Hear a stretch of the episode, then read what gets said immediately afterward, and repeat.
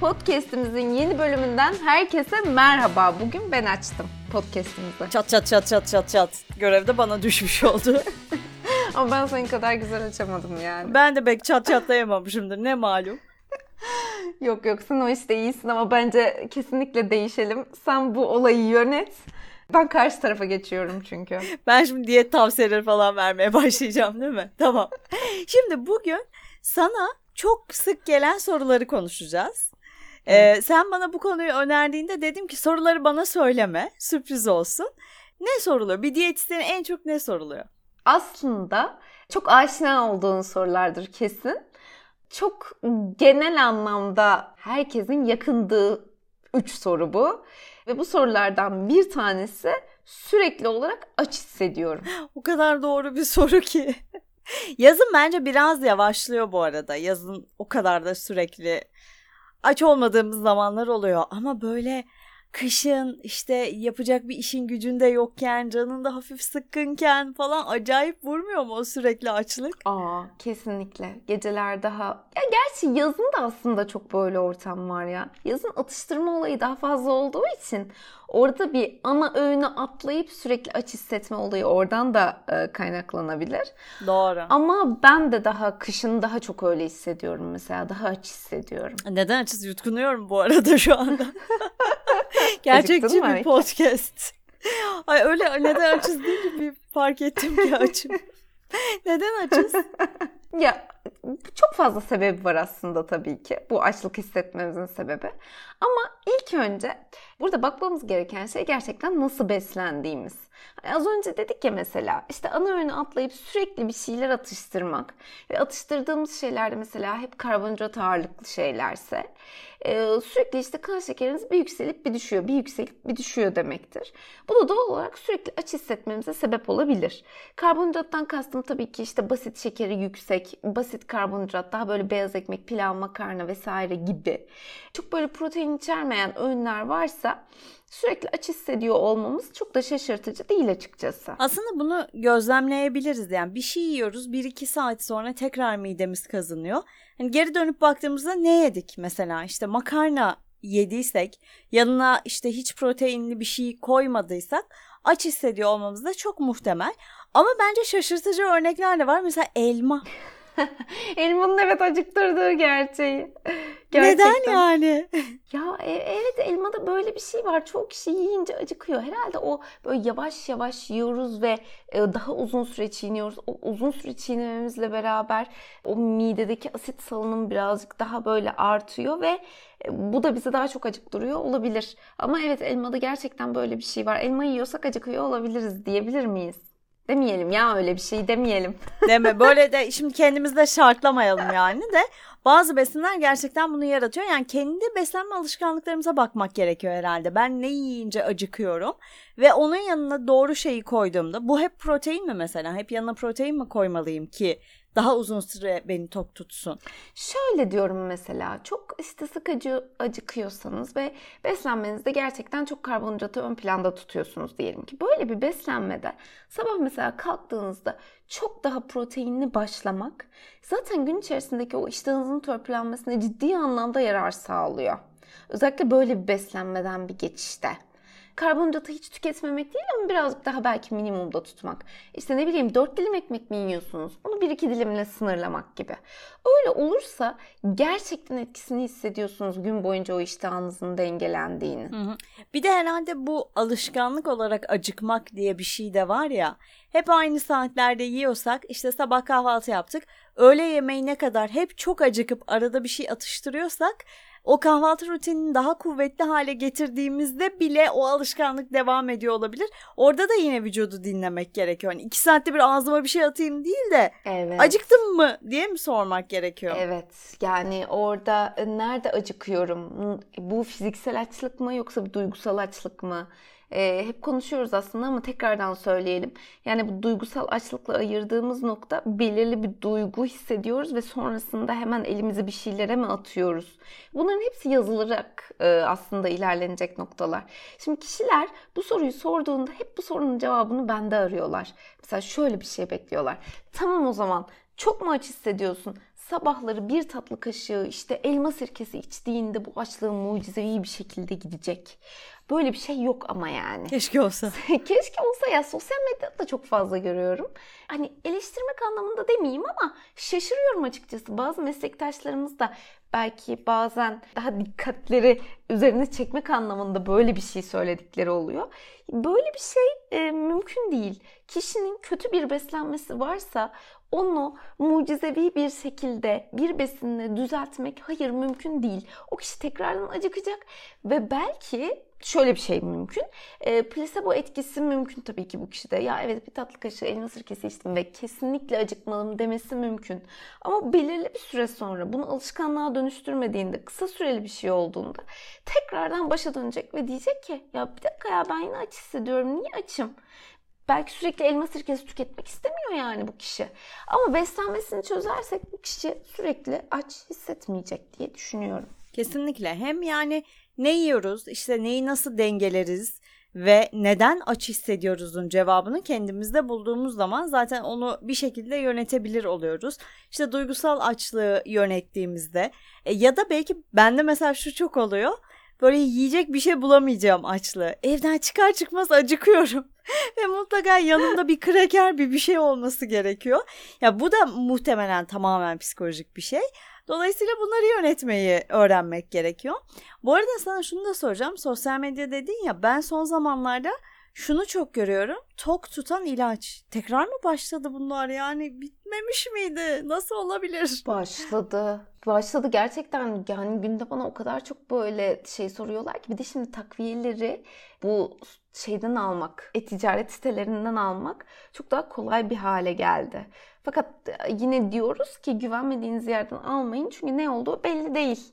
Kim üretti, nerede üretti, ne zaman üretti, hangi firma bu veya satıcı gerçekten ciddi anlamda güvenilir bir satıcı değilse çok güzel taklidini yapıp bizi de çok güzel kandırabiliyor. O yüzden eczanelere bu ürünleri yani bu takviyeleri eczanelerden almak çok çok daha iyi gerçekten. Güvenilir. İşin cevabı sizdeyken öyle şeylere çok girmeden de sanki çözümler bulunabilir gibi yani. Neden açım ve açlığımı bastırmak için işte bilmem ne içmeliyim gibi değil de yani daha basit bir yanıtı var muhakkak. Ya bir de o bazı şeyleri gizliyor ve kötü bir şey aslında. Tamam Hı-hı. bu bana çok iyi geldi ama gibi şeyler de alıyorum, cevaplar da alıyorum. Ya bu iyi gelmesi bunun sürdürülebilir olduğu anlamına da gelmiyor. Uzun vadede size zarar vermeyeceği anlamına da gelmiyor. Ee, işte az önce dediğim gibi taklit de çok kolay yapılıyor. Sizi bambaşka bir şeyle kandırıp gerçekten bambaşka bir şey tüketmenize, çok zararlı bir şey tüketmenize sebep olabilirler. O yüzden böyle şeylere kanmayalım lütfen. Bu ara gerçekten çok fazla. Çok ben de yani çıkıyor ve şaşırıyorum. Neyse kamu spotu. Geçiyoruz burayı. Tamam neden açız çok soruluyor. Başka bir diyetisyene en çok ne soruluyor? Şu da çok soruluyor mesela. Tüm gün boyunca aç hissetmiyorum ama akşam oturup böyle işte onu yiyorum bunu yiyorum benim derdim akşam ya diyorlar. Ha, ben Aslında bu insanları anlamıyorum. Aslında o kişilerin dertleri akşam değil çünkü. Açsın ya temel olarak. Evet gerçekten aç sabah hiçbir şey yememiş. Şimdi sabah hiçbir şey yemezsek akşama kadar acıkırız. Yani vücutta belirli bir yere kadar artık o kan şekeri dengesini sağlıyor ama bir yerden sonra da diyor ki kardeşim açsın git bir şeyler ye. E şimdi sabahtan akşama kadar kendinizi eğer çok katı bir beslenme düzenine tabii tutuyorsanız e, akşam doğal olarak her şeyi yemek istemeniz çok normal ve iştahınızı kontrol edememeniz de çok normal. Demek ki bir şeylerin değişme zamanı gelmiş. Orada herhalde şöyle düşünüyor insanlar. Şimdi akşam çok yiyorum zaten. Dolayısıyla gündüz de acıkmıyorum ya. Yemeyeyim. Evet. Zaten akşam yiyeceğim gibi bir şey oluyor ama böyle bir çıkmaza giriliyor. Halbuki gündüz biraz yesen akşam o kadar yemeyeceksin zaten. Ayrıca akşam yenen yemeğin yağ olarak bize geri dönme ihtimali daha yüksek değil mi hocam? Yani tabii metabolizma hızı orada birazcık daha artık yavaşlamış oluyor. Vücut kendini dinlenmeye alacak bütün organlar dinlenecek. Ekstra mesai yaptırıyorsunuz. Şimdi siz ekstra mesai yapsanız gün boyunca zaten şey yapmışsınız. Otursanız dahi akşam mesaisine kalmışsınız, yorulmuşsunuz, bitmişsiniz. Ne kadar verimli çalışabilirsiniz? Verimli çalışmayacak tabii ki o saatten sonra. Alacak depolayacak. Çok güzel bir örnek. Peki burada şey mi demek lazım yani gerçekten kahvaltı yapmayı sevmiyor. Öğlen hiç acıkmıyor. Zorla yemek mi bunun çıkar yolu? Ben şöyle diyorum. Eğer böyle aralıklı oruç vesaire gibi bir e, beslenme planı uygulamıyorsak kişiye e, sabah kahvaltı yapmayı sevmiyorsa belki geçiştirilecek bir şeyler ama mutlaka bir şey. Ben güne bir şeyle başlama taraftarıyım genelde. Ama bu illa kallavi bir kahvaltı olmaz da bir meyveyle başlanır, bir bardak sütle başlanır, bazen sütlü kahveyle başlanır, belki bir avuç kuru yemişle başlanır. Neyse ne kolay bulabiliyorsanız ve ne size orada iyi geliyorsa. O enerjiyi bir vücuda bence verelim diyorum. Ve sonrasında öğlen belki birazcık daha hafif bir şey tüketirsiniz ama mutlaka bir şey tüketirsiniz. Çünkü o bizim akşam için şeyimiz olacak yani e, önüne alabileceğiz. Üstelik gün içerisinde zaten çok enerji sarf ettiğimiz için fiziksel, mental her türlü o enerjiye de ihtiyacımız var. Hafif de olsa bir şeyler tüketelim diyorum o yüzden. Sonrasında zaten göreceksiniz ki akşam otomatik olarak birazcık daha dengelenmiş olacaksınız ve bu kadar aç olmayacaksınız. Peki benim kilo sıkıntım yok ama gün boyunca hiç yemiyorum ve akşam saldırıyorum. Yine de bu düzeni değiştirmeli miyim yoksa benim bedenim bu rutine uyum sağladı ve tamam böyle devam mı? Bence yine de değiştirilmeli. Yani neden yine de değiştirilmeli? Şu an çok iyi gidiyorum. ideal kilomdayım. Hiçbir sıkıntım yok. Tamam ama bu ileride sağlık sıkıntımızın çıkmayacağı anlamına gelmiyor. Sonuç olarak yine organlarımıza fazla mesai yaptırıyoruz. İki gün sonra bir mide rahatsızlığımız çıkabilir. Belki bir insülin direncimiz çıkabilir. Akşam çok yüklendiğimiz için. Yani porsiyonu bölerek tüketmenin de bir orada anlamı var. Öğün öğün almanın da bir anlamı var. Ben bütün günlük almam gereken kaloriyi vücudum bu derece yıpratıp akşam bütün hepsini alıyorsam e, bu da bir sıkıntı. Vücudum bunu kullanması da bir sıkıntı. O yüzden yine de böyle şeyler yapmayalım. Tamam ya bu fazla mesai örneği çok güzel ve çok gerçekçiydi. Fazla mesaiye kalmak ister misiniz? Vücudunuza bunu neden yapıyorsunuz? Soru işareti şurada bir dursun. Geçelim sana diyetisyenlere en çok sorulan bir diğer soruya. Hiç yemekle aram yok. Yemek hiç aramam ama tatlı. Ay çok doğru bir soru. evet yani yüzde yüz makul. Bu kişilerin çoğunluğu da aslında şöyle bir şey yapıyor. Ya çok fazla yine o baştaki dediğimiz konuya geliyoruz. Çok fazla basit karbonhidrat tüketiyor çok tatlı tüketiyor.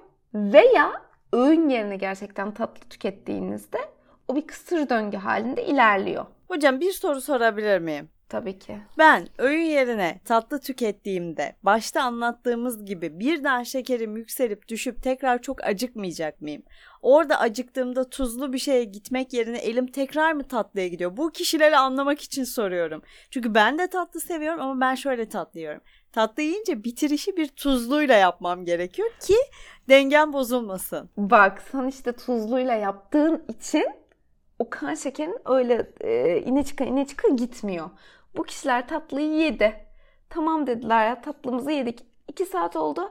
Birden çat diye bir acıkma geldi. Çünkü artık kan şekeri düşmüştü. Doğal olarak tekrardan onları tatlı yemeye ya birazcık daha canım istiyor gibi oldu. Doymadım ben oldu. Tekrardan tatlıya yöneliyor olabilir. Çünkü e, bir an önce o enerjiyi almak istiyor. Bir an önce o alacağı enerji tatlı. O yüzden onları o şekilde döngüye sokuyor olabilir. Ama seninkinde böyle bir şey var mı? Sen önlemini önceden alıp işi tuzluyla bitiriyorsun. Bir kombine yapıyorsun şöyle. O yüzden kan şekerin belki de bu kadar hızlı yükselip düşmüyor. Bununla ilgili şöyle bir anım geldi aklıma. Bir düğüne katıldık. Orada da böyle yemekler sırayla geliyor ve düğün pastası diye bir şey var ya. Düğün pastası geldi. Şekerli. Pek tabii ki. Neyse yedim biraz ve tuzlu yemem lazım üstüne ve masadaki tek tuzlu tuz ve ekmek. Ben ekmeğin üstüne tuz döküp yedim. Yanımda da bir doktor oturuyormuş. Kızım senin tansiyonu yok mu diyor. Öykü.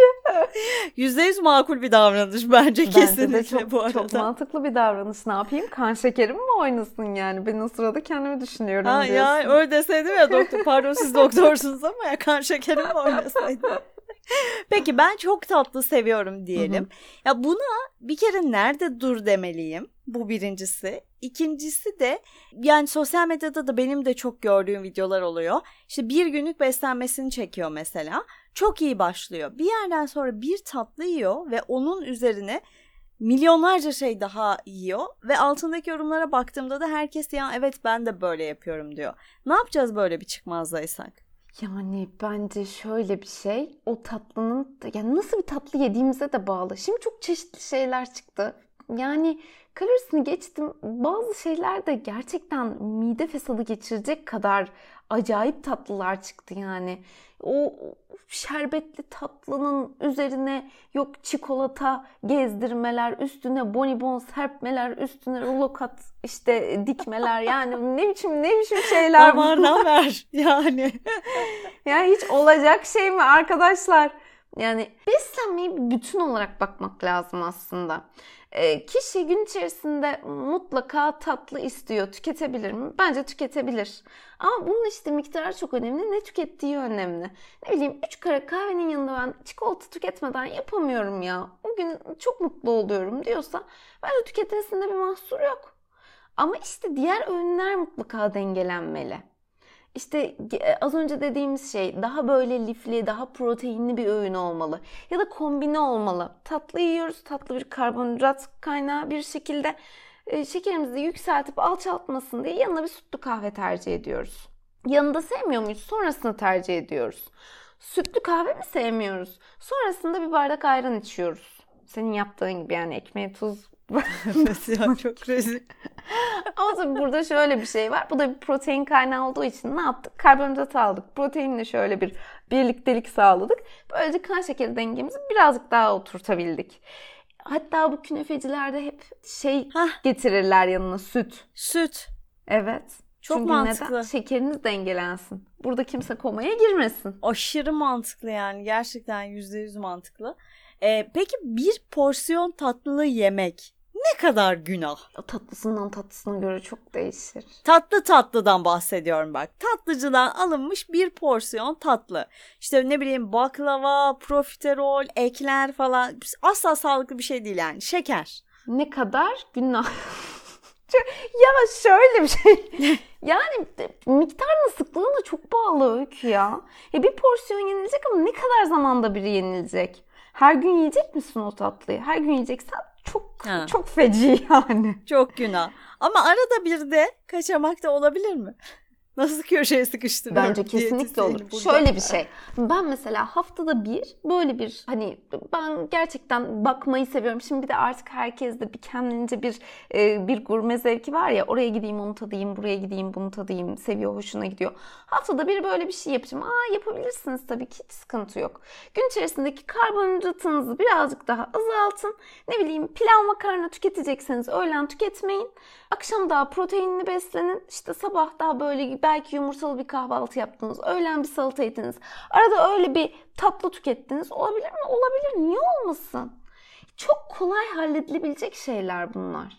Ama dediğim gibi yani bir bütün olarak bakmak lazım. Sadece kalori açısından bakmak da bana mantıksız geliyor. Gün içerisinde bu kadar kalori aldınız. Bu da mantıklı değil bence. Buna artık birazcık daha sadeleştirerek, daha böyle herkesin anlayabileceği şekilde işte az önce bahsettiğim gibi o karbonhidratı bir proteinle şöyle bir birleştirerek işte öncesini sonrasını o öğün dengesini ayarlayarak baktığınızda zaten beslenmenizi yönetmek gerçekten çok kolay. Kesinlikle öyle. Yani cevaplar sizde. Aynen öyle. Cevaplar sizde. Yani böyle ben şunu yapıyorum buradan hiç çıkamıyorum bu neden böyle sürekli falan e, cevabını başka birisinde bulacağınız bir şey değil aslında. Kendiniz bir yanlış alışkanlığı tekrar ettiriyor olabilirsiniz. Bir bilgi eksikliğinden dolayı bir şeyi olması gerektiğinden farklı yapıyor olabilirsiniz. E işte burada bir diyetisyene danışarak o yol haritasını hiçbir şeyde senin yöntemin olduğu için söylüyorum yasaklamadan dengeleyerek düzenli bir beslenme rutini oluşturmak mümkün. Yoksa bir daha ömrümün sonuna kadar tatlı yemeyeceğim de değil. Bir daha hiç aniden kan şekerim düşmeyecek ve acıkmayacağım da değil. Ama bütün bunları yönetmeyi öğreneceğim bir süreç olacak aslında bu diyet ve sağlıklı yaşam. Mesela bir beslenme programı yapıyoruz ve herkes şunu çok söylüyor. Ya işte korumada çok heyecanlanıyorum. Korumada ne yapacağım, nasıl koruyacağım, ne, ne olacak? Zaten beslenme programında bunu öylesine öğrenmiş oluyorsunuz ki bunu öğrendikten sonra korumada böyle bir telaşa gerek kalmıyor. Çünkü artık orada ya şunu yaptım, bunu yaptım tamam ya bunu böyle dengeleyebilirim. Bunu yaptığımda şunu yapabilirim. Elinizde zaten milyon tane seçenek oluyor. Ve o olduktan sonra korkulacak hiçbir şey olmuyor. O yüzden asıl yönetmeniz gereken şey beslenmeniz. Farklı farklı yollara girmeye çalışmayın. Kesinlikle öyle. Yani dediğin şey bizzat deneyimlemiş biri olarak e, bir kere o beslenme rutinini oluşturup kendi bedeninizi tanıdığınızda o besinlerle ilişkiyi nasıl kuracağınızı biliyorsunuz. Fazla kaçırdığınız hafta olabilir. Onu bir sonraki hafta toparlamayı biliyorsunuz. İşte tatlı da yiyebilirsiniz. Acıkabilirsiniz. E, bir kendini ve bedenini tanımakla alakalı aslında tüm mesele. Çok doğru. Teşekkürler. Şöyle bak yapalım mı? Sana şimdi biz diyetisyenlere en çok sorulan, sana en çok sorulan soruları cevapladık ya. Bunların dışında da milyonlarca soru olduğuna eminim. Ee, Instagram'dan bir soru kutucuğu açarak bu bölümü tanıtımını yaparken yeni soruları alalım. Bir bölümde de onları cevaplayalım.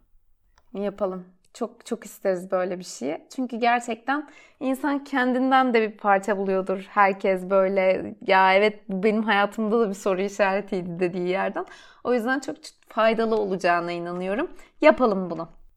Tamam anlaştık. O zaman bir sonraki bölümde tekrar görüşmek üzere. Ne Yesek Podcast'i bugün burada sona eriyor.